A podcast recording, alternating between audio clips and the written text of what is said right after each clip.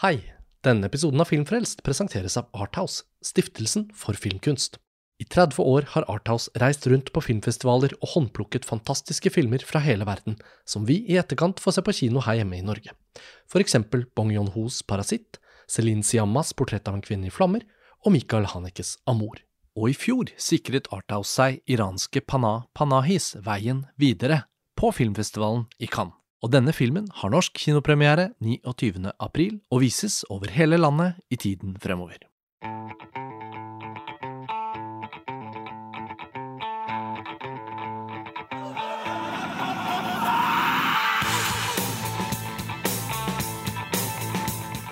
Ja. Um, dette er jo veldig flaut, men jeg hadde glemt å trykke record. Ok, da, da må vi begynne på nytt. Da begynner vi på nytt.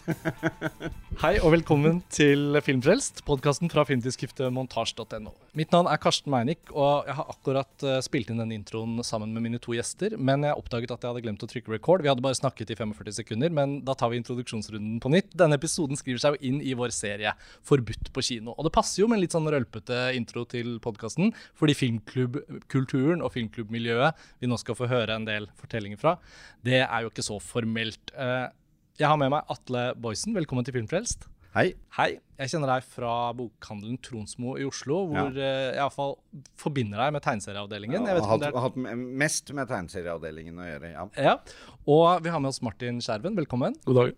Nå ansatt i Kulturdepartementet, faktisk. Det er ikke i kapasitet av det du er til stede her for å Nei, definitivt. snakke i dag. Definitivt ikke. Um, men begge dere var del av Himmel og helvete filmklubb her på Rockefeller i Oslo. Og vi befinner oss på et møterom eh, langt bak i korridorene på Rockefeller ved en tilfeldighet. Vi møttes utenfor, og gamle venner av dere slapp oss inn. Og her er vi. Og vi skal snakke om særlig én spesifikk hendelse fra da dere drev Himmel og helvete filmklubb. Men forhåpentligvis skal vi få høre litt mer anekdotisk stoff rundt det hele også. Jeg er jo nysgjerrig på om dere kan hjelpe lytterne med å bli litt bedre kjent med dere og det miljøet. da. Altså Himmel og helvete filmklubb hadde vel noen roller, stillinger. Jeg vet ikke, Atle, hva var ditt ansvar i Ja, filmklubben? I det store og hele var jeg styreformann, men uh, ja, som, som sagt, det var veldig flat struktur på det hele. Så det var, det var påkrevd eh, etter hvert som vi kom inn i Filmklubbforbundet, at vi hadde liksom ja, Styreleder, Titler. kasserer og, og så videre. og så videre. Ja. Ja. Martin, hadde du Ja,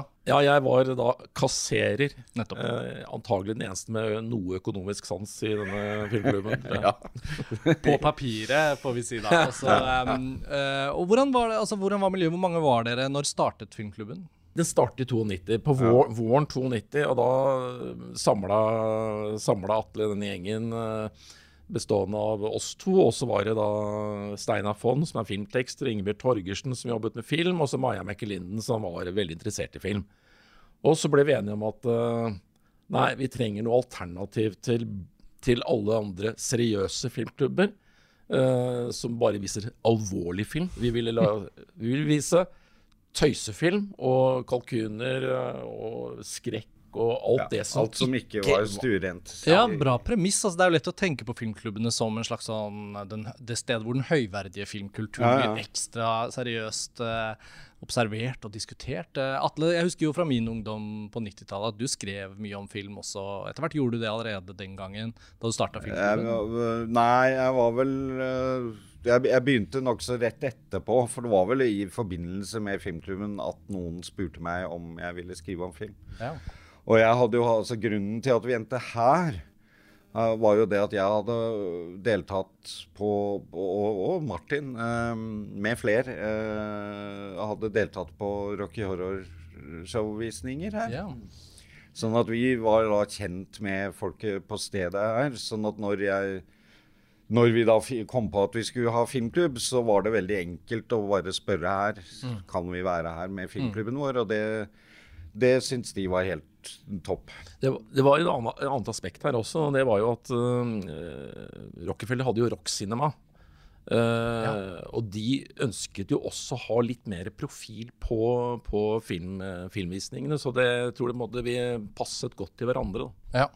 Altså, som jeg har forklart til dere, så har jo vi hatt en serie her på podkasten hvor vi har satt fokus på kinokulturen i Norge, og særlig i Oslo, på 1990-tallet. Og dette møtepunktet hvor eh, en kultur med statens filmkontroll og forbud. ikke sant? Det mytiske med Life of Brian i 1980. altså sånn, mm. Lede frem til modernisering på 90-tallet i kulturen i seg selv. I mm. medievolddebatten, videovolddebatten osv. Og, og det kulminerer på mange måter med to episoder, den vi skal snakke med dere om, mm. og det som skjedde med Crash til David Cronenberg, som ble nektet visning på Oslo Kinematografer, hvor det fortsatt mm. var kommunalt kinomonopol.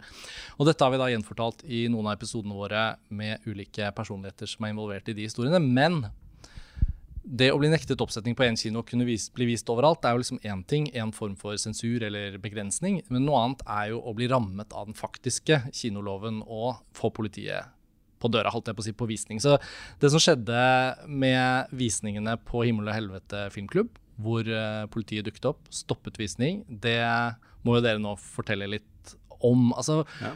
var det et mål for dere før denne hendelsen høsten 1992 uh, eh, å provosere og skape liksom blest og være liksom på kanten, eller er det denne Ikke, ikke, ikke egentlig. I, I, utgangspunktet var det altså og dette var vel meg og Steinar. altså Vi, vi hadde sett Necromantic uh, og Tallest King og fant de, fant de, interessante og dog ekstreme uh, filmer.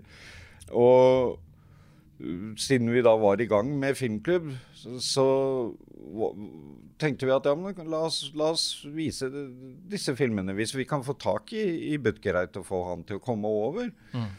Og ja, altså det fantes uh, nettopp denne ideen som jo fantes i hele filmklubbbevegelsen, at, at, man skulle ha rett til å kunne vise filmer som ikke Statens filmkontroll hadde brydd seg om, hvis man gjorde det under skikkelige forhold. Men tanken på at det skulle, det, det skulle bli noe mer ut av det, det, det var, når vi satte i gang med dette, egentlig ikke Vi tenkte at det kom til å bli en kveld, og at det kom til å komme noen folk. ja. Og så kom Butkerei til å snakke, og så kom vi til å se filmene, og, så, og det var det. Ja.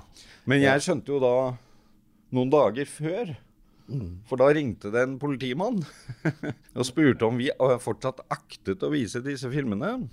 Og så sa jeg vel da at det aktet vi, og, at jeg ikke helt følte at den, noen som eh, tilfeldig ringer hjem til meg og sier at de er politi, og ikke synes at vi skal vise filmene uten noen videre grunn, mm, at det helt kan gjelde. Så, men, da, men, da, skjønte vi altså Det var jo da vi skjønte at dette muligens kunne bli problematisk. Mm. Men, men, dette hadde jo en forhistorie i at Uh, vi hadde fått noen i en uh, uke- eller månedsavis til å Folk, Folk ja, ja. Uh, til å skrive en artikkel om, om, disse filmene. Og jeg mener at hun avsluttet denne artikkelen hvor hun skrev at hun syntes disse filmene var fæle. Ja. Og at det var like interessant som en, en kjedekollisjon på E18. Et eller annet sånt tror jeg hun avsluttet med. Og det var på den måten at denne Politimannen, eh, som vi ikke visste hvorvidt var politi, eh, tok kontakt med Atle og, eh, og, spurte hva i alle dager eh, dette var. Og det var ingen grunn for oss, mener jeg, til å nødvendigvis tro på han. Vi, vi, vi antok jo at det var politi, og vi kunne selvfølgelig bare ha ringt opp igjen. men men det var litt sånn useriøs uh, henvendelse som uh, jeg tenkte at Nei, dette må vi bare stå i, altså. Da, men da bestemte vi oss for altså Da laget vi jo et skri Altså når visningen kom Altså Vi tok et par forholdsregler. Det, det, ene var at vi laget et skriv hvor vi sa at vi hadde blitt oppringt, og noen påstod at disse filmene var ikke lovlige å vise. Og at vi dermed dette kunne skje nå uh, i den forbindelse. Og også da at vi ikke kom til å gi tilbake pengene. Og at vi så var vi også smarte, som vi vel kan innrømme nå. For det at uh, Jørg Butgereit hadde med seg to, to 35 mm-kopier. Men vi sørget for at i kinomaskinrommet så lå det to VHS. Så når politiet kom, så beslagla de VHS-ene og ikke 35 mm-kopiene. Altså, det ville blitt dyrt. Det hadde blitt, uh, Jørg var veldig veldig nervøs for det, akkurat det. For det, det hadde han opplevd i Tyskland, å få beslaglagt 35 mm print, så det er Så de lå gjemt uh, oppå galleriet her bak noen gardiner. Uh. Fascinerende. Altså, for de yngste lytterne våre så innebærer jo dette da at uten de 35 mm-kopiene den gang, i 1992, så var det ikke noe visning. Det var ikke sånn at du kan hente fram en kassett og så vise det på stort lerret. Det fins ikke noe alternativ. Altså, vi Jo, men det ville jo ikke vært Ja. det samme. Nei, nei, det altså. hadde vært Nei. øh, Vesentlig dårlig Eh, kvalitet. og så ville det jo vært veldig tungt å pågripe alle de 35 mm-rullene. Bra for politiet på en måte. ja, at det bare- Nå sitter jeg med dette arket dere nevnte foran meg. Det er jo flotte arkivting dere har med her. Altså, denne, denne siden her, A4-siden som jeg sitter og ser på, Himmel og helvete advarer, ble den da rett og slett delt ut? Det ble- til alle som, Til som, alle som som sto i døra. Mm, Nettopp. mm. Eh, og i Dagbladets uh, nyhetssak om det som skjedde den kvelden, så Mm. ser man et bilde av folk som er stimlet sammen utenfor Rockefeller. Altså, var det da, før visningen ble stanset, var det da en følelse i luften av at dere hadde klart å trekke filmklubbens medlemmer og skapt interesse for denne visningen? Var det Altså, litt det, sånn det, var, det var faktisk veldig mye større interesse for visningen enn jeg trodde det skulle være. For Ja, var, var- var, det, var, det var virkelig sånn kø rundt Det sto rundt, kvartalet. sto rundt kvartalet her. Og- Men alle må jo være medlem for å få Ja. Jo, jo, men Sånn man- funker jo filmklubb. Jo, men man kan jo bli medlem i døra. Nettopp. Mm. Så, så, så det var jo masse nye medlemmer den, den, den kvelden. Og, og, og, det over, og, og det overrasket meg egentlig, jeg, som sagt, at, at fordi at vi, det var, dette var ikke noe markedsført noe mer, eller Altså, det var nøyaktig det samme som Og det, og det var primært flyere, og så var, hadde Rockefeller en sånn ukeoversikt-type annonse. Ja, jeg har den her et eller annet sted. Ja, annonsen. se her, Nå viser Martin frem en eh, Det er bare en helt ordinær Faksimile, liten ja, eh, se annonse. fra avisa. Ja. En eller annen avis Ja, den gang. Ja, jeg husker disse sidene her. Det pleide å stå i avisen en sånn Ja. tre-fire sider hvor du kunne få oversikt over alt som skjedde i kulturen, og så er det en egen sånn kolonne med Rockefeller, Mm. og der står det Tirsdag 27. oktober klokken 20.00 Himmel og helvete presenterer Nekromantikk og Todes King. Mm. Møt regissør Jørg Butgereit. Dette er jo to av hans filmer fra 1987 og 1990, er det da de har laget cirka? Ja. Og de er jo nå utgitt på Blu-ray med fullt av ekstramateriale og masse kontekst og sånn. Det er slik Solgt- jeg har sett filmene. noe platekompani Eh, over disk. Ikke sant? Eh, denne, høsten, så, denne høsten var jeg ni år gammel og fulgte mest med på Drillos og VM-kvalifisering og sånn. Men eh, det er veldig spennende å få høre om dette, og, og, og dere var jo selvfølgelig begge til stede den kvelden. Ja. Mm. Det som skjer, er at politiet kommer, men hvordan, hvordan opplevde dere den faktiske liksom avlysningen? Hvordan var liksom Altså, det Ja. Ja, nei, altså Du sto jo i døra, Atle. Eh, Da hadde det kommet inn eh, 152 Jeg lurer på om det var nesten 200, 200 her inne Det er såpass, altså. Ja, og da var det fortsatt kø godt rundt bygget her. Og Ja. så Og var inne, eller? Ja, var inne, og vi, vi holdt på å ordne og fikse og mekke. Og eh, så kommer plutselig Atle gående opp med to sivilkledde, litt ordentlig kledde fyrer. Så da Nesten som en filmscene. Ja. Hva slags politifolk er dette, da? To herrer? To, To damer? herrer, ja, ja, ja. Jeg husker at du nevnte at du følte at de gutta var litt nervøse. De var litt stressa, og de, var- og, og de oppførte seg faktisk veldig ålreit. De var veldig liksom øh, Altså, det var ikke noe aggressivt i formen deres i det hele tatt. Og, og, de, og de virket også som om De Både syntes var nervøs og litt, litt forvirra, egentlig. En sånn følelse Kanskje ikke hadde vært på Rockefeller før? Nei, men jeg tror kanskje mer det der, og nettopp når de så at det var masse mennesker og og Beslaglegge film. Beslaglegge film. At det, mitt inntrykk var nettopp at de syns så, Men så de spurte pent, så de fikk da de, disse to VHS-ene, og så gikk Ja, Det vel ikke noe kvittering omtrent, og så Ja. gikk de. Ja. Med påbud om at ikke visningen kunne finne sted. Ja, for nå ja. hadde jo de tatt VHS-ene. Ja, ja, ja, Ja. de, jeg tror de bare gikk ut ifra at de da, da ble det ikke noe visning. Selv om Så- selv om vi 35-rullene kunne- lå der. Vi kunne ha vist. Og vi, og vi, vi venta jo til eh, politiet hadde gått, før vi, før vi gikk opp på scenen og, og annonserte hva som hadde skjedd. Mm. Så var vi litt usikre på om vi egentlig skulle bare drite i hele beslaget og bare kjøre filmene. Eh, så vi sjekka ut det. Men, eh, men vi tok ikke sjansen, rett og slett. Det var, det var ikke noe poeng. Men, men det er bare litt Jeg vet ikke om vi skal ta den anekdoten om Blitz med en gang. Jeg syns dere skal ta den Ja, ja, ja. anekdoten Fordi om Blitz. At, Alle setninger som begynner med 'skal vi ta den anekdoten om Blitz' fra 90-tallet. jeg, jeg, tror, tror at en av grunnene til at disse gutta var litt nerve, det var eh, Broren min hadde en klassekompis som da jobbet i politiet. Og han visste veldig godt hvem vi var. Jeg visste også godt hvem han var, men jeg visste ikke han var i politiet da. Men han hadde jo fått beskjed. Han var på oppdrag og fikk beskjed om å stå i beredskap i et eller annet kvartal bortafor her. For nå skulle politiet gjøre en aksjon mot Rockefeller og det de antok var et blitsmiljø hvor de skulle beslaglegge filmene. Så de antok at det kunne bli bråk. Så etter det vi har fått vite, da, så, så, var det på en måte lina opp beredskap på flere politienheter ja, ja, rundt omkring i kvartalene her. Eh, fordi at det kunne bli, bli bråk. Mens uh, denne fyren jeg snakker med, jeg ikke si navnet hans, han visste jo veldig godt at uh, dette er jo Atle og Martin, her blir det ikke bråk. Nei. Men likevel, altså, interessant, så kommer de to tuslene med VHS-kassettene da, rundt hjørnet. Og kanskje alle er litt skuffet sånn. Å, det ble ikke noe mer. Men, um, nei, men altså, spøk til side. Dette er jo da sånn som jeg forholder meg til det. Fra for ung til å ha vært til stede, selvfølgelig, og uh, har lest meg opp på hvordan ting liksom skred frem gjennom 90-tallet i disse ulike episodene. Denne som vi nå snakker om, og så etter hvert uh, debatten rundt Natural Born Killers, hvor Statens filmkontroll tillater filmen, mens kinosjefene protesterer mm. og mener det er helt uh, I hvert fall de som var mot den filmen. Og så selvfølgelig populariteten til Quentin Tarantino osv. Cronenbergs Crash, som vi allerede har dekket uh, fyldig i tidligere episoder. Og så uh, har jeg snakket med en um, historiker som har skrevet bok om Statens filmkontroll, som forteller jo selvfølgelig om det at Tom Lørland, som kommer inn der på et tidspunkt, bidrar jo veldig til å ta litt tak. Det skifter navn fra kontroll til tilsyn osv. Men for deres del så tar det jo ikke slutt med at politiet kommer og tar med seg disse Nei. kassettene fra Rockefeller 27.10.1992. Egentlig er det jo da det begynner. For hva skjer videre? Altså Først så blir jeg innkalt til et avhør som uh, klubbens leder.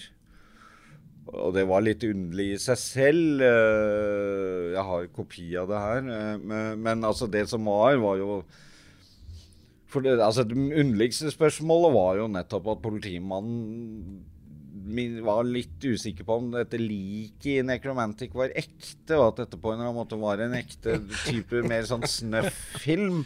Uh, som jo også var en av de mange mytene som vandret rundt i, i, i, i verden på den tiden.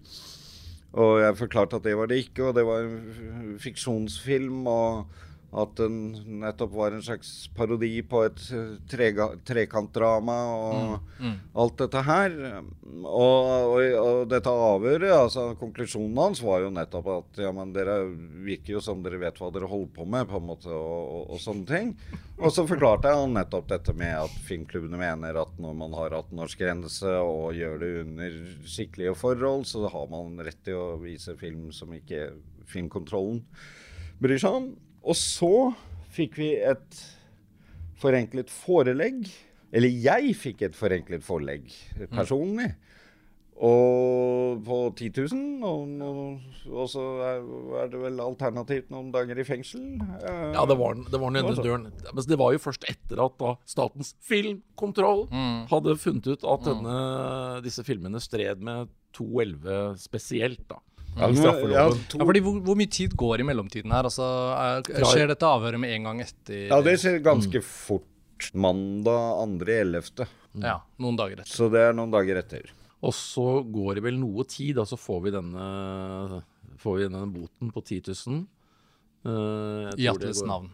I mitt navn, ja. Mm. Mm. Og da betaler man den og nei. sier nei. nei. Det var, Nei, ikke, det var, det var ikke snakk om. Altså. Og, og det, var, det, var, en ting jeg var For det blir jo en prinsipp. Det må jo bli en prinsipp. Og det, ja, og det var to ting. For det første syns jeg det var noe kjempedrit at det, man skulle som liksom, styreleder i en filmklubb være personlig ansvarlig. Mm. Det kommer det litt mer om etterpå. Uh, for det forandret seg. Og så var jeg også, og jeg tror nei, ikke bare jeg, vi var For det at det er en del folk som har godtatt disse her foreleggene gjennom i, i mm. historien. Og det har jeg alltid syntes har vært noe drit at folk har gjort. Mm.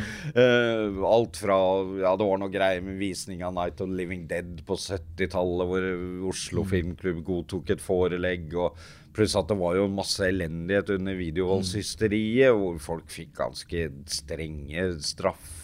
Det var jo til og med noe fengsel for noe sånn video. For å, for å basically leie ut kassetter av ordinære skrekkfilmer. Men man, man, må huske på at ikke sant, det er noe Motorsagsmassakren. Ja. Man må liksom sette dette litt, litt, i kontekst også, fordi at ja. uh, når jeg liksom nevner denne historien om Blitz og politiet til å begynne med, så, eh, så burde man jo på en måte forstå konteksten at Blitz på den tiden var jo en, var jo en veldig aktiv, uh, aktivt hus med, med uh, de, de, var aktive politisk. Stadige demonstrasjoner og stadig i, i konflikt med politi på ulik vis. Uh, med og uten grunn, for å si det sånn. Uh, så det på en måte forklarer noe av, av uroen akkurat ved, ved beslagleggelsen. Uh, det andre som er konteksten her, det er jo at det, på den tiden så forandrer jo hele mediemarkedet seg radikalt. Mm. På 80-tallet så får du Sky Channel, og du får satellitt-TV-ene, og du får en videoeksplosjon som endrer dette markedet radikalt. Og det å plutselig stå der og si at du skal få 10 000 kroner i bot fordi at du ønsket å vise denne på en forsvarlig måte på Rockefeller, samtidig som du kunne bare gå i postordre og egentlig importere mye verre ting mm. uten noe som helst form for kontroll. Det, det føltes jo helt absurd. Ja.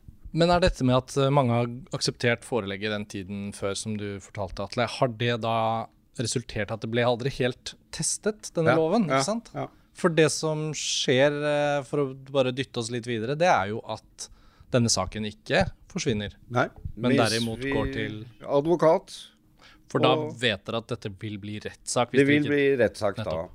Ja, Da vi nektet å vedta forelegget, så, så blir det begjært en, en, en, en straffesak. Hvor det, dette her nå. Så, så da gikk vi rundt og ventet. Uh, I nesten tre år, tror jeg. Før, ja. før den saken kom opp. Før, den kom opp, ja. Men vi gikk vel til uh, Hegnar ganske fort. Jeg lurer på om det var en stabel vi hadde, var det ikke? Stab, sorry. Ulrik Hegnar var den første, første også, advokaten, og han mente nettopp at sånn vi hadde liten sjanse. Og så gikk vi til Stabel, og han sa at han skulle hjelpe oss. Og egentlig pro bono, tror jeg han sa øyeblikkelig. Ja, det, ja. Så dere er hos den første advokaten, Ulrik Hegnar. Eh, han mener det ikke er store muligheter for saken. Han tror jeg ville veldig gjerne, men uh, Muligheter for å vinne, mener han da? Eller muligheter for at han kan få jeg, den prinsipielle Jeg tror det var egentlig mest det at det var Jeg tror han mente at vi hadde liten sjanse til å vinne. At vi liksom godt kunne godta forlegget. forelegget. Mm.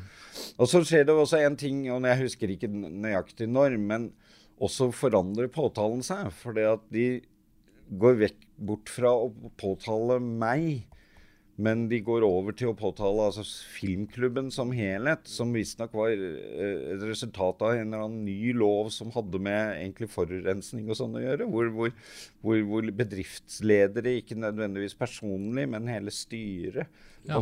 sto ansvarlig. Sånn at de, de skiftet, og det syns jeg vi også var en ålreit at det gikk den veien. Da får jo det prinsipielle rammen rundt hele saken slik som det da blir etter hvert, det får jo litt større kraft når det er Himmel og helvete filmklubb ja. som ja. er for mm. retten, på en måte. Og ja. Dere nevnte advokat Harald Stabel. Eh, kan dere si litt om hva hans uh, første liksom, tolkning av denne saken? og hva, hva Det er egentlig litt vanskelig å si, for han var som en, en alvorlig og, og, og, travel advokat. Han, et, jeg har et, et, altså, vi var på møte. Det er veldig kort. Veldig, veldig, veldig, veldig kort, hvor han sa ja.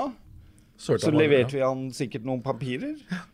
Og så tok det jo noen år til saken kom, og så møtte vi han i rettssalen, og så han, han, Jeg tror ikke vi møtte han før vi var, var i rettssalen en gang. Jeg. Nei, det var, eh, Han brukte svært kort tid på det. Han brukte nok mye rutine på, på saksforberedelsen. Jeg tror ikke han engang gadd å se filmene. For det var ikke det det dreide seg om som sådan, egentlig. Nei, fordi det er en ting vi har kanskje glemt å forklare litt. Og det er jo det at når en filmklubb inviterer til en visning for sine mm. medlemmer, da regnes det ikke som et offentlig arrangement. Nei, det, var det? det, var det, som var, var, det som var eh, fortolkningen, ja. Mm. Mm. Som vi, vi, brukte, men mm, som Nettopp ikke nødvendigvis påtalemyndigheten var helt enig i. Fordi det henvises jo da til at det har vært et oppslag i denne Blekka Folk, og det har vært mm. eh, annonsert. annonsert. Og de kommer til Rockefeller og ser masse folk stå utenfor. Det fremstår som et offentlig arrangement, ja, ja, kanskje, ja, da. Eller? Hvordan ble denne da motsetningen mellom disse to tolkningene av hvordan en filmklubb, kinovisning, egentlig da skal defineres? Hvordan ble det liksom argumentert i for de to synene er det ikke Alt jeg vet om filmklubber, er at det er eh, akkurat sånn som dere da Altså Vårt hovedargument gikk jo på at A. Eh, du måtte tegne et medlemskap. Altså du, du, må i hvert fall lese en annonse og si at her er en film. Eh, B. Du måtte tegne et medlemskap. Uh, vi hadde en ramme rundt uh, forestillingene. Det var en non-profit. Vi gjorde jo dette ja. på, på mm. det, Og det var en vesentlig del nettopp i, i rettssaken òg, husker jeg. At det, akkurat det kom opp en del. liksom mm. at, at, filmklubber og filmklubbevegelsen er, er non-profit. Mm. Og det og så, og så, så er det jo Det var jo for å skape en eller annen form for kan du si, et uh, ordskifte da, eller debatt rundt uh, film. Jeg mener at vi, vi fremsto ikke som et tradisjonelt kinokonsept. Uh, altså. Og så er det jo klart at det, så kan du alltid si at det å tegne medlemskap i døra, det er jo, det er jo ikke veldig lukket, da. Men du måtte være 18 år og, og, og melde deg som eh, gå inn, gå inn, i vårt medlemsregister for å kunne komme inn. Mm. I tillegg til å måtte løse billett. Og der var det jo I rettssaken så var det jo det var jo ikke vi som argumenterte for de, disse tingene. Det var jo altså veldig mye av de som snakker altså Det var, jo, var jo, Iversen uh, og Kortner fra, fra Filmklubbforbundet som, som, nettopp når det gjaldt alle disse tingene om hvordan filmklubb og hele det prinsippet der For dette er jo ting de jo, øh, om ikke i retten, så i hvert fall hadde i annen sammenheng hadde argumentert for i årevis, tiårvis, så desennier. Så det, det de hadde jo de tingene der veldig inne. Mm. Og også hele det prinsippet om nettopp å kunne vise problematisk kunst altså i alle sammenhenger. Uh, i hvert fall, hvert fall, innenfor visse forsvarlige former. Da. Sånn at eh, de hadde jo mye av det der inne. på en måte. Jeg, det var jo du som på en måte snakket for oss i rettssaken. Ja. Men jeg husker ikke hvor, om det var, var så veldig altså, Vi snakket vel egentlig primært om filmene, gjorde vi ikke det? egentlig? Litt? Jo, vi, det var mye om eh, Det gikk uh, mye på innhold i, uh, i filmene. Og, hva, og vi insisterte jo på at filmene uh, Necromantic skulle vises. At vi, Det var ikke sånn det var, sånn at for dette husker jeg jævla godt. Mm. Vi hadde en aktor i denne saken som het Anne Karin Blank. Jeg sier blank, og blank var hun. For hun klarte å innlede denne rettssaken med å si disse filmene er så fæle at jeg ikke har orket å se dem ferdig. Og så sier dommer, hva er det du sier? Sitter eh, og anklager disse gutta eller denne filmklubben her og vil straffe dem, og så har du ikke sett filmene ferdig engang? Ja ja, det er klart, vi må se filmene. Ja, det var sånn det gikk, ja. ja. Og eh, Så da satt jo Anne Karin Blank der eh, så dypt ned i ja, jeg vet da søren, jeg. Og hadde vi, hadde vi hatt en annen, annen eh, jurist på politikammeret, så tror jeg kanskje at, at, de hadde vurdert saken litt annerledes. For hun, hun, hun brukte veldig sånn person... Jeg opplevde hun brukte altså Hun var personlig fornærmet, nesten, mm. uh, over det hun så. Mm. Det er interessant det du sier, fordi vi har også da et intervju med David Cronenberg, om Crash. Og han sier noe interessant, syns jeg, om sin opplevelse av sensur. Det er aldri Nå parafraserer jeg da på norsk, men han sier noe sånt som at det er aldri eh, på en måte samfunnet som senker en sånn moralsk hånd over deg, men det er nesten alltid enkeltpersonene og deres følelser. Og så, hvis de er i maktposisjon, Sånn som Ingeborg Moreus Hansen eksempelvis var da. ikke sant? At hun kunne programmere en, en bys kinotilbud mm. ut fra sitt monopol. Uh, og det poenget til Cronenberg, og det er jo nå, ikke sant? Mm. han reflekterer over den opplevelsen. Og filmen hans støtter jo på problemer i veldig mange land, men den ble jo som regel vist. Um, det syns jeg var ganske interessant og fikk meg til å tenke på også hvor, hvordan ting er i dag. og nå kom jeg på det når du mm. sa dette, fordi det høres jo ganske likt ut, egentlig. Altså at uh, Moreus Hansen, som programmerte også mye bra. ikke sant? Hun gjorde jo mm. veldig mye bra med den makten også. Men når hun da først gjorde en sånn bommert som folk reagerte på, så handlet det jo om at det var et eller annet som tok over litt. Eh, F.eks. Eh, følelser eller en veldig personlig smak. da. Mm. Um, så når du beskrev aktor i saken deres på den måten, så klarte jeg ikke å ikke tenke på det sitatet. Ja, og, og, jeg, og jeg, tror jeg kan understreke det med enda et poeng, eh, nemlig, og det var denne saken gikk over to dager. og eh, og andre dag, lett før saken startet, andre dag så møtte jeg denne aktor i, i gangen rett før vi skulle gå inn. Og da sier hun til meg at hadde jeg forstått hva slags mennesker det er som drev denne filmklubben, så ville jeg aldri ha satt i gang denne uh, prosessen. Det sier hun til meg. Jeg, kan, jeg, jeg, husker jeg var altså så rysta. Ja, jeg, tror, jeg tror igjen den der underlige blitz-detaljen mm. har, har, har, mm. har, noe med hvordan de, altså de, tenkte. Og det verste er at det der sier jo til og med han politimannen som altså, som avhørte meg, han var inne på de samme altså, Han sa noe tilsvarende mm. når jeg var ferdig med det avhøret. Mm. Men det er jo da et par år før. Mm. Og, og, og, og, nettopp så har tydeligvis det ikke gått videre til henne. Men hun har på en måte bare satt i gang dette her, og så har hun, har hun ja, nettopp. Ikke, ikke, godt nok inn i det. Her tar vi en kort pause fra originalopptaket fordi våre to intervjuobjekter trekker inn en tredje person, nemlig aktor i saken Anne Karin Blank. Og beskrivelsene og gjenfortellingene dere nettopp hørte, sendte vi til Blank, som nå er eh, pensjonert, og la fram for henne slik at hun kunne få tilsvarsrett på det som nettopp ble nevnt. Og Anne Karin Blank svarte med en kort kommentar som jeg fikk beskjed om at jeg bare kunne lese opp. Eh, hun skriver Hei, jeg har i grunnen bare følgende kommentar. Hva som foregikk under rettssaken har vi naturlig nok forskjellig erindring og oppfatning om etter så mange år. Og hvis disse to herrer har moro av å harselere over meg slik de selv oppfattet meg og min rolle, så gjerne for meg. Dermed har eh, vi fått skutt inn den kommentaren fra Anne Karin Blank til det som nettopp ble sagt, og med det så fortsetter vi episoden der vi slapp.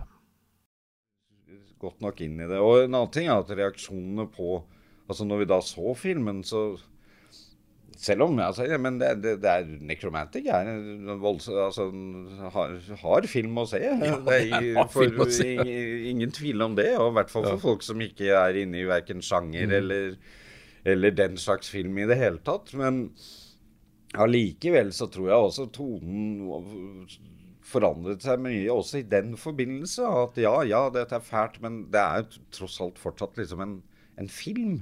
En film og med, som skulle vises i veldig med, med, med, veldig klare rammer. Ja. Nemlig mm. med regissør til stede. Ja, og det ble understreket veldig veldig mye i rettssaken òg, at hele, hele, den pakka der. Liksom at ja, og det gjør jo også at dette eksempelet også må føyes inn i da et eller annet større spørsmål om liksom ytrings friheten innad i filmkulturen, både den gang og når man trekker inn andre lignende situasjoner, så føler jeg liksom at uh, mange av poengene deres, da, her er det jo en hel serie av dem, mm. uh, viser jo også at um, det er ikke bare i norske filmer at forståelsen av filmkunsten har vært litt begrenset i tidligere tiår. Det er jo også noe med hele samfunnsforståelsen mm. av film og filmkultur som har avslørt en veldig sånn naivitet, syns jeg. Når man ser mm. nærmere på hvordan Norge fungerte frem til et visst punkt, så kommer det jo liksom etter hvert en modning. Og nå på 2000-tallet så føler man seg jo som en filmnasjon. Nå er det jo mye å være stolt over. ikke sant? Og, og utbyggingen av en større og bredere kinokultur, kan man si. Men samtidig så,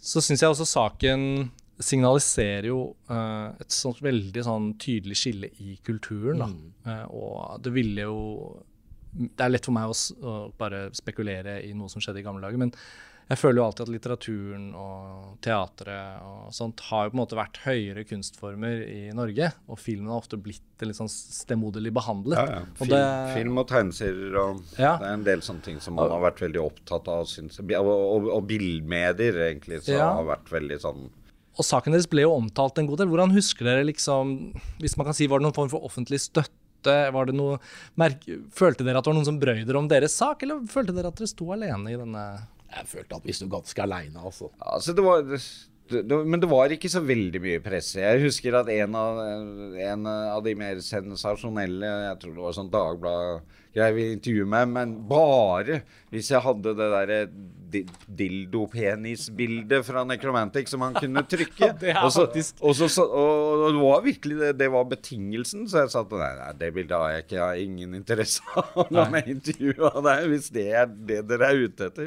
Men jeg tror ikke det altså det var ikke nødvendigvis negativt. For jeg tror jeg, jeg mener å huske at det var noen smågreier, og det handlet nettopp litt om hvordan altså kinolov og, og og filmklubbvisninger og sånn.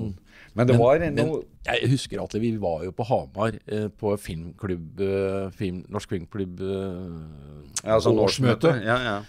Og vi fikk jo en offisiell støtte derfra, men jeg opplevde at den var litt sånn Det var ikke noe sånn det var, altså, Poenget er jo at nekromantikk er jo ikke panserkrysseren Potemkin. Det er, er det filmen du vil gå på barrikadene for, og på en måte ta den der svære prinsipielle Ja, det debatten? tror- det tror og den, den, den, den støtten hadde vi ikke Nei. på den måten som vi mente at vi burde fått. Altså, i, I selve bevegelsen, filmklubbbevegelsen, de andre filmklubbene rundt om i landet, de syns nok ikke nødvendigvis at dette var den riktige saken. Men styret i Norsk Filmklubbforbund, de, de som satt i Norsk Filmklubbforbund, og spesielt de som jobbet for Norsk Filmklubbforbund, de, de tror jeg så at denne saken var det, egentlig den saken de trengte litt. Nettopp fordi at det handlet om problematisk film. Ja, Det er det der bildet Dagbladet ville ha. Nå jeg skulle til å fortelle lytterne, Martin, du løfter her i bunken din av arkivklipp og legger her fram et utklipp fra um, avisen. Jeg tror dette kanskje er Arbeiderbladet. Katrine Sandnes som er journalist. Eh, der ser vi dette ja, ganske eksplisitte bildet, hvis man kan si det, om et lik som ligger der. Um, se her, ja. Overskriftene lyder 'Nekrofilmer for retten. Himmel og helvete i Oslo tinghus'. Så 30.11.1995. Det var altså tre år pluss Ja, ja. dere måtte vente. Ja, og det, det ble jo også nevnt av dommeren i rettssaken at liksom, hvorfor i all verden har dette tatt så lang tid? Og skulle da noen av lytterne være i tvil om hvordan dette går, for vi har jo ikke kommet dit, så, så må dere jo gjerne nå gjenfortelle spenningen rundt da dommen skulle leses opp, eller hvordan dere fikk vite resultatet her. Du, det kan jeg veldig gjerne, for at det tok jo ikke så lang tid for denne dommeren å skrive denne dommen, som egentlig er en uh, veldig underholdende dom å lese. Den burde egentlig leses av de aller fleste. Uh, Ja, Har vi den her? ja, og ja da, og, og visst har jeg det. Han eh, Altså, jeg, jeg tror før vi går til, går til Ja. dommen Vi har plass til flere anekdoter. Ja, eller- fordi at ja. i, i, mens vi Etter vi da har sett disse filmene, så går vi jo litt inn på hva disse filmene handler om. og Vi snakker om dette trekantforholdet. Som et slags parodisk trekantforhold, da. Eh, og eh, kom inn i filmen. Jeg husker jo at han godeste dommeren var ikke veldig imponert over, eh, over filmens innhold. Det framgår også tydelig av dommen. Og så kom vi inn på Der Todes King, hvor den mest kritiske scenen er, Ja, da er det jo egentlig bare én scene. ja, det er den kritiske scenen er jo en avklipning av en penis Ja. Med hagesaks. med hagesaks. Og den er guffen å se for. Alle menn syns den er veldig guffen å se på. Eh, og jeg tror kanskje en del kvinner også. Men da sier altså denne dommeren plutselig Han avbryter meg i forklaringen og sier han Du, unnskyld meg. Er det ikke norsk film Jo, jo. som ikke kom for så lenge siden, der man har en avbitning. Eh, oh, Hotell St. Pauli, Vam og Vennerød. Hvor altså Amanda Ooms på slutten av filmen biter av penis til eh, Er det Morgan, eller jeg vet da søren hva den Ja, karakteren det- Så heter. dommeren har vært på kino. Ja, Ja, og, på kino. ja, og, og blodet spruter i alle mulige retninger. eh, og, eh, og det påpeker jo dommeren da i dommen etterpå, at den scenen er i hvert fall veldig mye verre enn den der avklipningsscenen enn i, i Der Todes King. Så han mener at Og ingen ble satt i fengsel for å vise Hotell St. Paul. Nei, nettopp, ikke sant? Men altså, hvis jeg ikke husker feil i nyhetsstoffet her fra arkivet, så påpekes det også at det er en forskjell i hvordan de to Butgarite-filmene har eller ikke har gått gjennom Statens Ja, filmkontroll. Thomas King hadde gått igjennom med klipp, Hvor den scenen hvor den scenen var klippet. Men betyr det at Tollis King var faktisk satt opp på kino? Nei, nei, nei. nei. Jeg tror noen, noen har jeg, Noen har prøvd å importere Noen har prøvd å overveide å, gi den ut på video, så de hadde et sensurkort på den. Nettopp. Eh, Men de sier samtidig i da også papirer du får med, med om For jeg har filmkontrollens papirer her nå. Og da sier de at Necromantic ville ikke ha sluppet igjennom i det hele tatt. Så, altså for vanlig offentlig visning. Og det sier jo rett, så- rett Altså Dommeren kommer jo også til den slutningen at uh, Necromantic er, bryter jo 211 i straffeloven da. Men så var det jo den andre rare paragrafen. 382. Ja, nå må dere fortelle. Ja, Dette blir det for kodete språk det, for det meg. Er, for det at den, var, den overrasket oss også. Ja, altså 211 er det som var pornoloven, egentlig. Nettopp. Altså den klassiske, gamle pornoloven. Mens altså, 382 ja, og, og, og dette er Du må nesten sjekke dette her, for jeg husker ikke Jeg tror det er Men det er en rar overdreven vold. Bare en sånn generell paragraf om overdreven vold i, i Mm. offentlighet. Altså fremstilling av overdreven vold i offentlighet, som, som da ligger utenfor både kino og, og pornolov. Ja. Hadde aktor og politiet funnet frem og plukket denne paragrafen inn Ja, den i er- tiltalen, på en måte? Den da? er i Ja. tiltalen. Ja, den tiltalen. Så jeg har vært ekstra grundig med det, da. Ja, veldig- Søkt med lupe i lovverket. Så, Uten å ha sett filmen. Og pornoloven var jo også på den tiden Det var jo en ting jeg vet vi i hvert fall snakket mye om rundt. Jeg vet ikke om det ble snakket om i rettssaken, men denne, dette begrepet allmenn søvn, Ja. Bryte allmenn søvn, Som er liksom Hva? Ja, ja. Hva er Det er allmenn jo kjønns, kjønnsorganer i bevegelse, vet du. Må jo skjønne. Jo, jo, jo, men, Ja, ja. men ikke sant, det var nettopp det at det ikke var spesifikt som en Ja, ja. lov kanskje bør være, men det er nettopp man har sånne vage bere- begreper, og jeg mener det er jo alltid noen allmenne sømn som blir brutt på et eller annet vis. Er, men er dette lovspråket da oppe i diskusjonen i retten? Er det en Det del av dommen? Hvor han blir liksom Nei, jeg husker ikke helt eh, det, jeg heller. Men, men noe av grunnen til at man da går inn og snakker om filmens innhold, uh, er jo antagelig for å få et grep om hva som da er uh, innafor og utafor lovens uh, bokstav, og hva man, hvor man, hvordan skal man fortolke det. Så er det jo klart at det er jo, som Atle det er jo ikke, det er jo ikke en film for uh, allmennheten, sånn sett. Altså, hvis du, det er jo sånn Du øver deg på et filmspråk også. Det er skikkelig kornete europeisk lavbudsjett Ja, ja. horrorøvelse. Jeg hadde jo da ikke sett den før jeg visste at jeg ønsket å gjøre noe ut av denne historien på denne podkasten. Researchen har egentlig pågått over ganske lang tid, da. så jeg fikk handlet inn disse Butgereit-filmene på fornemme Blu-ray-restaureringer. Arrows uh, Arrows, eh, nettopp. Arrow i Storbritannia. Og um, der er det også denne Shram. Uh, ja, som jo er den beste av filmene hans. Nettopp. Og- Jeg var ikke spesielt imponert kunstnerisk over nekromantikk da jeg omsider fikk sett den, må jeg innrømme. Men dette er jo også nærmest si. tenåringer som, som laget eh, filmen på, på, på det, er- det er jo en weekendfilm. Det er Ja, jo sånn ja, ja. å samle noen venner og lage denne filmen. Så den, den er jo en amatørfilm som sådan. Men så blir det, fordi denne saken inntreffer, og fordi den er ganske enestående i nyere norsk filmklubbhistorie, så blir den jo også en symbolfilm. Og det er jo morsomt å tenke på at fra dere fikk den ideen eh, på filmklubbmøtet om å vise akkurat den, og invitere Butgereit til vi sitter her i dag og snakker om det fortsatt. Eh, hvis dere kunne gjort noe annerledes, ville dere likt å gått gjennom alt dette en gang til pga. verdien det fikk som Ja, jeg synes det en var prinsippsak? Ja, gjerne gått igjennom denne. Definitivt. Jeg syns det er en viktig det er, noe med at du I denne saken her så velger man å tolke alle motparter i aller verste mening. Og sånt samfunn vil jeg ikke ha. Eh, og jeg mener at det er vår plikt og rett til å, å ta, den, ta den fighten, altså. Eh, og, og yte den motstanden. Jeg husker når jeg gikk ned, uh, og vi skulle ta den der rettssaken, uh, starte rettssaken første dag, så gikk jeg ned med en følelse av hvem er det som egentlig anklager meg? Altså, hvem er motparten min? Samfunnet, eller er det eh, samfunnet, er det staten, eller er det mm, politiet, eller hvem det er? Nå skjønte jeg at det var Anne Karin Blank etter hvert, da, men, men, uh, men, men like, like fullt, ikke sant? Det er noe med og, og, og hva slags samfunn skal vi ha som måte, velger å ta en fight mot en bitte liten betydningsløs filmklubb, tross alt, på denne måten? Jeg syns ikke det egentlig hører hjemme. Da må du, det må du løse på en annen måte. Pluss at dette er altså dette øh, Vi hadde jo vært igjennom altså videovoldshysteriet, som jo nettopp var, var et hysteri, eh, og grunnet i, bunnet i, i stor uvitenhet om de som, fra de som uttalte seg, og, og, og hvor nettopp igjen folk ble både fengslet og fikk beslaglagt sine videobutikker, og, og, og ganske røffe ting som skjedde som, som resultat av det. og og, og I bunn og grunn så dreier det seg om motorsagsmassakren, som nå er, er erklært liksom en av amerikansk filmhistories store og viktige fi- filmer.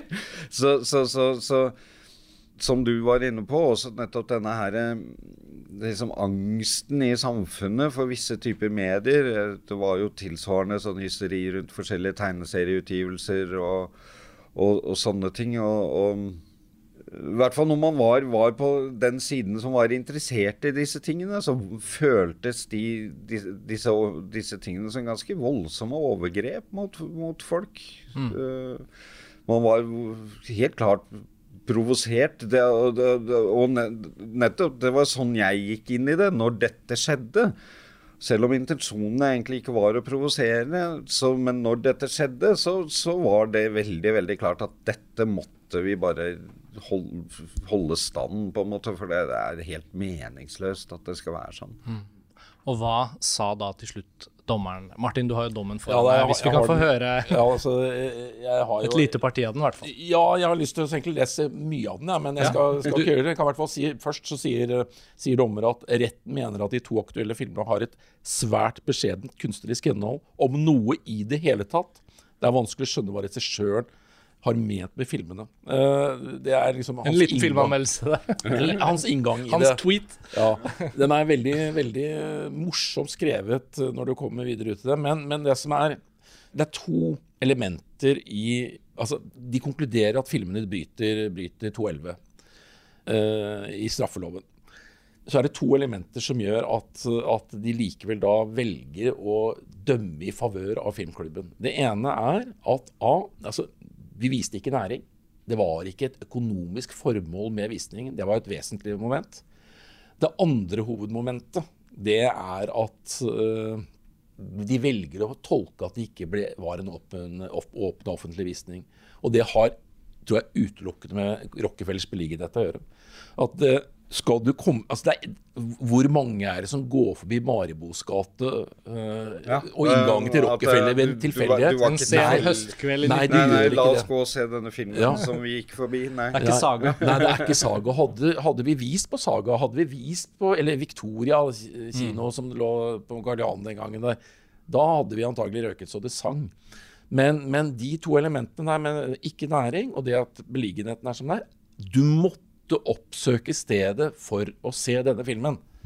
Det gjør at uh, dommer, ja, dommen det, det, kommer i vår favør. Altså, de, de, mener at det ikke er en offentlig visning i tradisjonell forstand. Står navnet på dommeren ja, eh, her? Ja, Espen Urby. Espen Urby, dommer. Mm. Eh, en underholdende dom, sa du. Den er godt skrevet. Altså. Ja, han slakter jo innholdet i filmene, han det, men han gjør det med en vittighet. da. Mm. Eh, og med en litt sånn lett form for sarkasme. Og, jeg, og det liker jeg jo. fordi mm. at jeg mener Litt sånn jeg, filmklubb-ånd, egentlig? Ja, ja, det kan man vel si. Jeg lurer på om han faktisk en gang var i Bærum filmklubb. Så. Ja, det var noe sånn han hadde hatt med filmklubb å gjøre. Uh, I de årene her mellom at nekromantikk blir stanset og dere står for retten. Det er jo tre år. Hvordan mm. drives Himmel og helvete filmklubb i de årene? Hva, hva, hvor er dere i livene deres da? Da viser vi mye film. ja, for det ble ikke noe stans i Nei, nei, nei, nei altså snarere tvert imot så, så, ble vi jo Og det er jo interessant, for det at vi, vi ble, ble, veldig ansporet, og vi viste mye, mye film mm. uh, i da disse årene, med varierende mm. veldig publikum. Uh, og Sånn sett var vi jo aldri i nærheten av å vise type necromantic-ting. Det var jo mest altså, standard og, og horror-ting. Mm. Og så importerte vi altså, Vi vis, gjorde sånne ting som å vise Akira. Ja, ja, ja. Og, altså ting som ikke var vanlig på kino. Mm. Men som og Tetsuo-filmene mm. viste vi. Og, og, så viste vi 'Himmel og helvete'. Det må vi jo For det er jo det er jo liksom Det var jo det flaggfilmen vår. Eh, eh, Startet hver sesong med eh, Vennerød seniors anti-hasjfilm. Som er ufattelig morsom, med, med Lillebjørn Nilsen mm. og, og, hva heter hun? Eh, Sigrid Hun. Sigrid Hun i hovedrollene, som, hvor, hvor, de ender i, i, død og fordervelse i København fordi de har røkt hasj. Eh, og altså, den, den, det, det, var, det var jo liksom nesten Altså, det var jo derfor vi startet filmklubben, basically. Var jo for å vise den. Ja, for dere sa jo det innledningsvis litt, grann, at det var jo et premiss bak denne filmklubben også, som hadde en humoristisk snert, og at dere ønsket kanskje, om ikke opponere staten, og, og, og, og Ja, pluss at jeg, altså, jeg var jo veldig På den tiden altså, Som sagt, jeg er veldig til videogeek. eh, og, og jeg hadde jo også den eh, boken til Michael Weldon, 'Psychotronic Encyclopedia'. Film var jo liksom mitt hovedverk i livet. Og, og, og, og hele den tonen den hadde, som nettopp var litt sånn om ikke filmen er bra, så fins det andre måter den kan være underholdende på. Og, og, og også igjen i nettopp dette her, altså alle hysteriene i samfunnet, så var jo også nettopp den derre måten å behandle hasjrøyking på som, som, som nettopp eh, livsfarlig ting som, som man øyeblikkelig endte i prostitusjon og død.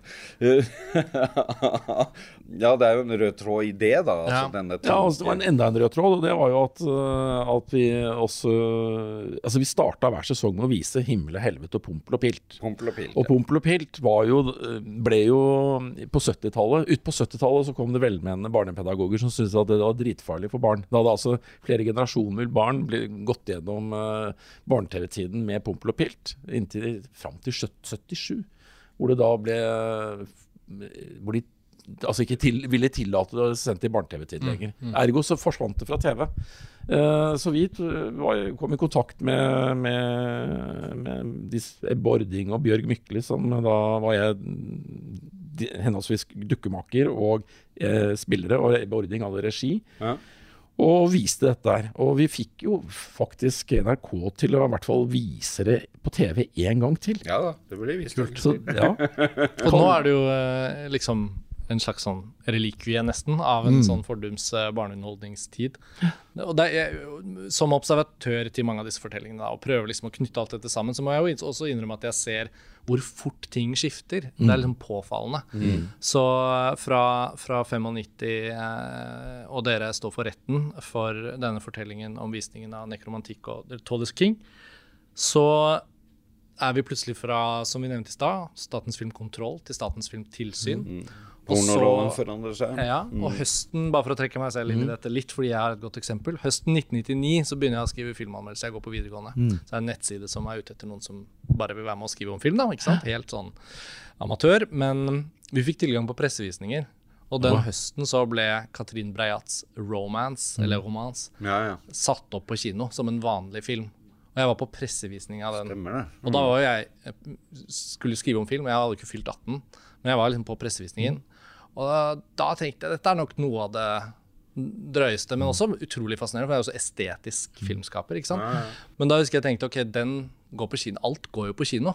Jeg liksom følte at kinokulturen fra bare noen år etter, egentlig fra rundt der Crash selvfølgelig, men så liksom 97, 98, 99, 2000, og så er på en måte Det er åpent. Det, går, det tiåret der forandrer alt. Og det er jo litt det som har vært hovedoverskriften for dette prosjektet vi gjør, å prøve liksom å påminne særlig mange unge lyttere vi har, og folk som følger med på det som skjer nå. For nå er jo da det politiske klima, ytringsklima, debattene, kanselleringskultur, sensur, selvsensur, alt det ligger og vaker, men litt sånn uten kontekst til hvor kort tid det er siden. Eh, Det var et helt annet forhold for eh, medieinnhold, film, video osv. i Norge. Da. Og da blir jo historien som dere nå har gjenfortalt, eh, sentral for å liksom knytte de årene sammen.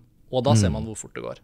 Eh, hvis vi skulle spole til 2022, jeg vet at dere har helt andre roller i deres yrkesliv og sånn, men um, ut ifra hvordan dere ser kulturen i dag, hvor det er ingenting som på en måte er forbudt, så er det vel likevel en følelse av at det skjer jo, om ikke sensur, så skjer det i hvert fall en kontroll av hva man kan vise, hva man vil se.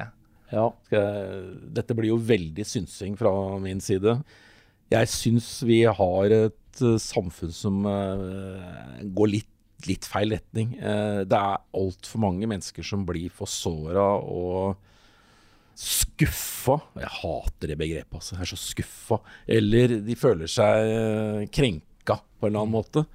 Som gjør at vi må ta ekstraordinære hensyn. Eh, Det er noe med, det er noe med denne kanselleringskulturen her som jeg, jeg, har Som jeg misliker sterkt, altså. Uh, og så er det grunner til at vi er der vi er, og det er mange gode grunner for at vi er, at vi er der vi er også. Helt enig. Bare så det er sagt. Ja. Det, det, er veldig viktig for meg å si. Målet men, er jo veldig godt ofte. Målet er veldig godt, men det er eh, I mine øyne så, så går det vel langt en god del ganger, altså. Mm. Ja, altså et, uh, Flere av intervjuobjektene våre i denne serien har jo hentet opp Woody Allen som et navn. da, Hvor mm. uh, det kan nesten virke som om det er vanskeligere for noen som skal programmere en film på kino f.eks., å sette opp en Woody Allen-film per i dag. Fordi mange som har um, kuraterings- og programmeringsansvar, føler en form for nervøsitet på hva vil offentligheten synes om en filmskaper som selvfølgelig er ekstremt viktig i filmhistorien. Mm. Eh, og så kan man mene hva man vil og ta den stillingen man vil, men å ikke skulle vise f.eks. Woody Allen-film eh, føles bare sånn det klør, og det blir veldig problematisk å forholde seg til om man bryr seg om filmhistorien. Og Ingeborg Moreus Hansen, eh, i, i intervjuet vi gjorde med henne, kunne jo ikke falle henne inn og nekte å vise en Woody Allen-film. Ikke sant? For det var hennes store helt. Mm. Og det setter jo ting litt i perspektiv når hun har nektet en film som var noens store helt. Hun har jo vært så ekstremt moralsk i sin, sin filmholdning på 90-tallet. Men så skal hun ha det at hun sa jeg ville aldri nektet å vise en annen Cronenberg-film. Det var bare den.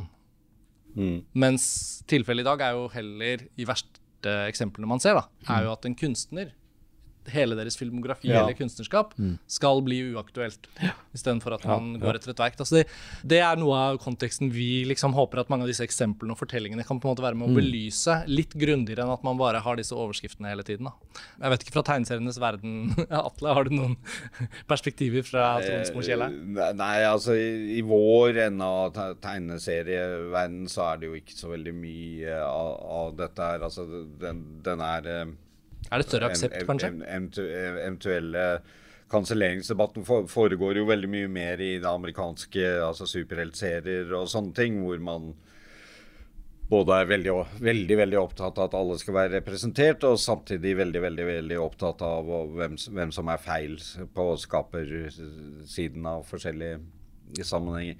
Nå, vi forholder oss stort sett til altså voksen de europeiske primært, og voksenserier generelt og sånne ting. Så vi, vi møter veldig lite av det der. der. Mm. Og sånn sett så forholder vi oss ikke til det. Jeg mener skapende personer med problematisk historie, som vi har snakket om en del ganger på Tronsmo, at hvis vi virkelig skulle begynt å luke dem ut, så hadde det ikke vært Hadde ikke vært mye bøker igjen. så hadde det ikke vært så mye igjen. For historien er full av sære, spesielt menn, men også kvinner, som, som uh, har både sagt og ikke minst gjort ting. Så, så, så Nei, men jeg, men jeg syns at altså formen, dagens form er, er, problematisk, helt klart. Og at det er Selv om jeg tror også at det fins viktige elementer i det, så så tror jeg ofte det går litt langt i den derre Hvor enkelt det er, da. Kanskje mer enn debatten. Ja, men, men, at enig. debattene veldig lett fører til at man, at man liksom at ting blir erklært umulig.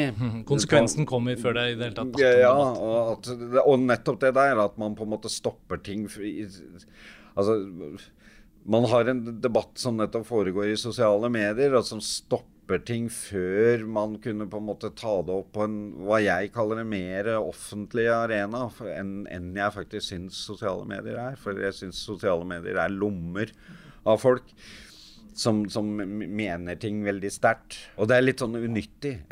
jeg tenker, Dere to har jo da opplevd den saken vi har snakket om. Og, øh, føler dere at det å ha hatt med seg den opplevelsen gjør at dere kan se på den typen kultur vi er i nå, da, med en viss erfaring? At dere har liksom vært i, dere har vært i retten og forsvart dere mot det å ha vist en film? altså... Ja. Definitivt. Det er det ikke, De fleste av oss har jo ikke nei. hatt den opplevelsen. Nei, nei, men jeg, men jeg, vet at jeg har hatt nettopp på en del sånne mm. erklæringer man har møtt i ny, nyere uh, kulturdebatt om ting, ting, som burde forbys eller stoppes, eller sånne ting, så kjenner jeg jo faktisk litt sånn personlig mm. magefølelse på det inniblant. At uh, ærlig talt, skjerp dere lite grann. For det, det, det, er, det er farlig, det der òg, liksom. Mm, mm. Og nå og da farligere enn en, en produktet man vil på en måte sette seg på. Så Ja, er Perspektivet er litt nå og da litt feil, ja. Mm. Ja, så er det noe med å stille spørsmålet til hvorfor folk vil Altså hvorfor vil noen forby eller begrense andre? Uh, og jeg syns altfor sjelden at det stilles uh, gode spørsmål rundt de, altså hva, hva motivet er, er bak, som ligger bak. Uh, så jeg er helt enig i at det er man, man kjenner det litt i magen, og jeg Ja. Og, og, og, en, og en del av den derre en del av eh, litt sånn enklere utgaver av de tingene som brukes nå som argumenter, er Altså En ting som jo har gått igjen i alle de gamle førsosiale medier-debatten er jo liksom Tenk på barna-varianten, ikke sant? Altså Tegneserier, film det- oppvoksende slekt. Det var bar, barna, barna, barna, selv om barna veldig ofte ikke hadde noe som helst med, med Det var ingen barn som skulle se Necromantic, ei heller. Ja, jeg tror jeg ble filminteressert og vil holde på med film fordi det var så mange ganger jeg hørte at jeg kunne få firkantede øyne, og du må ikke se så mye film, Mm. Ja, ja. og vi skal ikke ha de TV-kanalene, og sånn og sånn. Og vi har ikke videospiller, så hvis det ble video, så var det jo måtte leie den movieboxen, og da ble tiltaket enormt, ikke sant. Da måtte man leie flere filmer i gangen, da. Mm. Ja, ja, ja. Så det var en fordel. Men ja. Selv om man har no, noen nye liksom, eh, begreper som man bruker som årsak til å, å, å skulle, skulle passe på de andre, så, er, så kommer det veldig ofte bare ned til nettopp tenk på barna. Og, og, og, og det er veldig altså jeg, jeg, jeg tror det er veldig mange mennesker der ute som ser det som sin oppgave å forsvare en masse mennesker som ikke nødvendigvis føler at de trenger å forsvares. Det er, ja, det er, noe, det er noe der. Jeg tenker på hva mine egne barn ser i dag. Jeg. Så det er, det, er, det er i hvert fall vesentlig, vesentlig mer tilgjengelig enn det var når vi vokste opp. Og min eldste datter digger jo skrekkfilm. Hun ser jo alt hun kan komme over, eh, eller i hvert fall veldig mye. Har hun sett uh, Hun har ikke sett Nekromantik, det har hun ikke gjort. Men hun, hun, hun oppsøker i hvert fall skrekkfilmen. Ja. Så Hvis noen av lytterne lurte på hvorfor det var en slags sånn hjertebankende lyd bak oss nå helt på slutten av denne podkasten, så er det fordi at det bandet som skal spille på Rockefeller i kveld, har en liten eh, soundcheck, får vi si. Og Martin og Atle, jeg føler på en måte at jeg har tatt en god del av deres tid nå i ettermiddag. Og, og plutselig har vi snakket mye lenger enn jeg kanskje hadde spådd, men det er jo veldig mye spennende her, og jeg syns det er på tide å få løftet denne saken frem igjen, slik at flere kan forstå hva som skjedde den gangen. Og uten at dere kunne fortelle om det, så tror jeg ikke det hadde vært mulig. Før vi avslutter, hvis dere kjenner på det nå, dere har jo utrolig mange dokumenter her, og det er sikkert noe vi har glemt å nevne. Har dere noen siste ting på hjertet dere gjerne vil få sagt om dette, eller føler dere at vi har dekket det viktigste? Jeg føler at vi har dekket det viktigste. Nei, jeg, har ikke noe eh, egentlig. Nei. Nei, ikke, ikke jeg heller. Dere har eh, virkelig delt av deres eh, minner og erfaringer og fortalt oss denne historien. Og jeg håper og tror at de som ikke kjenner til at dette skjedde, og som ikke har tenkt i denne konteksten før, forhåpentligvis kan bruke dette eksempelet til å se ting litt i sammenheng. Da. Um, så Jeg har bare lyst til å si én ting til. ja, gjør det, Martin. Nemlig at det er altså fra Kulturdepartementet denne våren her sendt fram en proposisjon med forslag om å avvikle den statlige filmkontrollen. Så Ja. Nettopp. det er bare som en slags outro her, altså. Ja, ja, og jeg så overskriften, og jeg tenker jo at det vil vel fortsatt være noe som heter Medietilsynet i Fredrikstad. Og de har ulike være- oppgaver osv. Yep, men uh, noen sekunder nå så har du på deg Kulturdepartementet-hatten, men det syns jeg var veldig fint. Og jeg tenker det er avslutningen på en slags æra. Og det betyr likevel at ansvaret for å snakke klokt og kunnskapsrikt om film og video og medieinnhold er likevel noe vi må videreføre. Men kanskje er, det, er- kanskje er det ikke en statlig oppgave. Og derfor vil jeg Nei. faktisk si at derfor er filmklubbene antageligvis mer viktige enn noensinne. Fordi funksjonen er mer nå, nå nettopp siden ting er så åpent og så mye, og, kanskje mer enn noensinne å kunne sette fokus på film og filmhistorie og sånne ting. Så jeg vil slå et slag for filmklubbene sånn, også. Ja, helt enig. Men da vil jeg bare si tusen takk, eh, Atle Boysen og Martin. Skjerven, for at dere tok dere tiden, og takk for at dere fortalte disse historiene. Og skulle dere få lyst til å være med på Filmfrelst og snakke om film en gang i fremtiden, så er dere alltid velkommen tilbake. ja, tusen takk. Ha det bra. Supert. Takk. Ha det bra. Ha det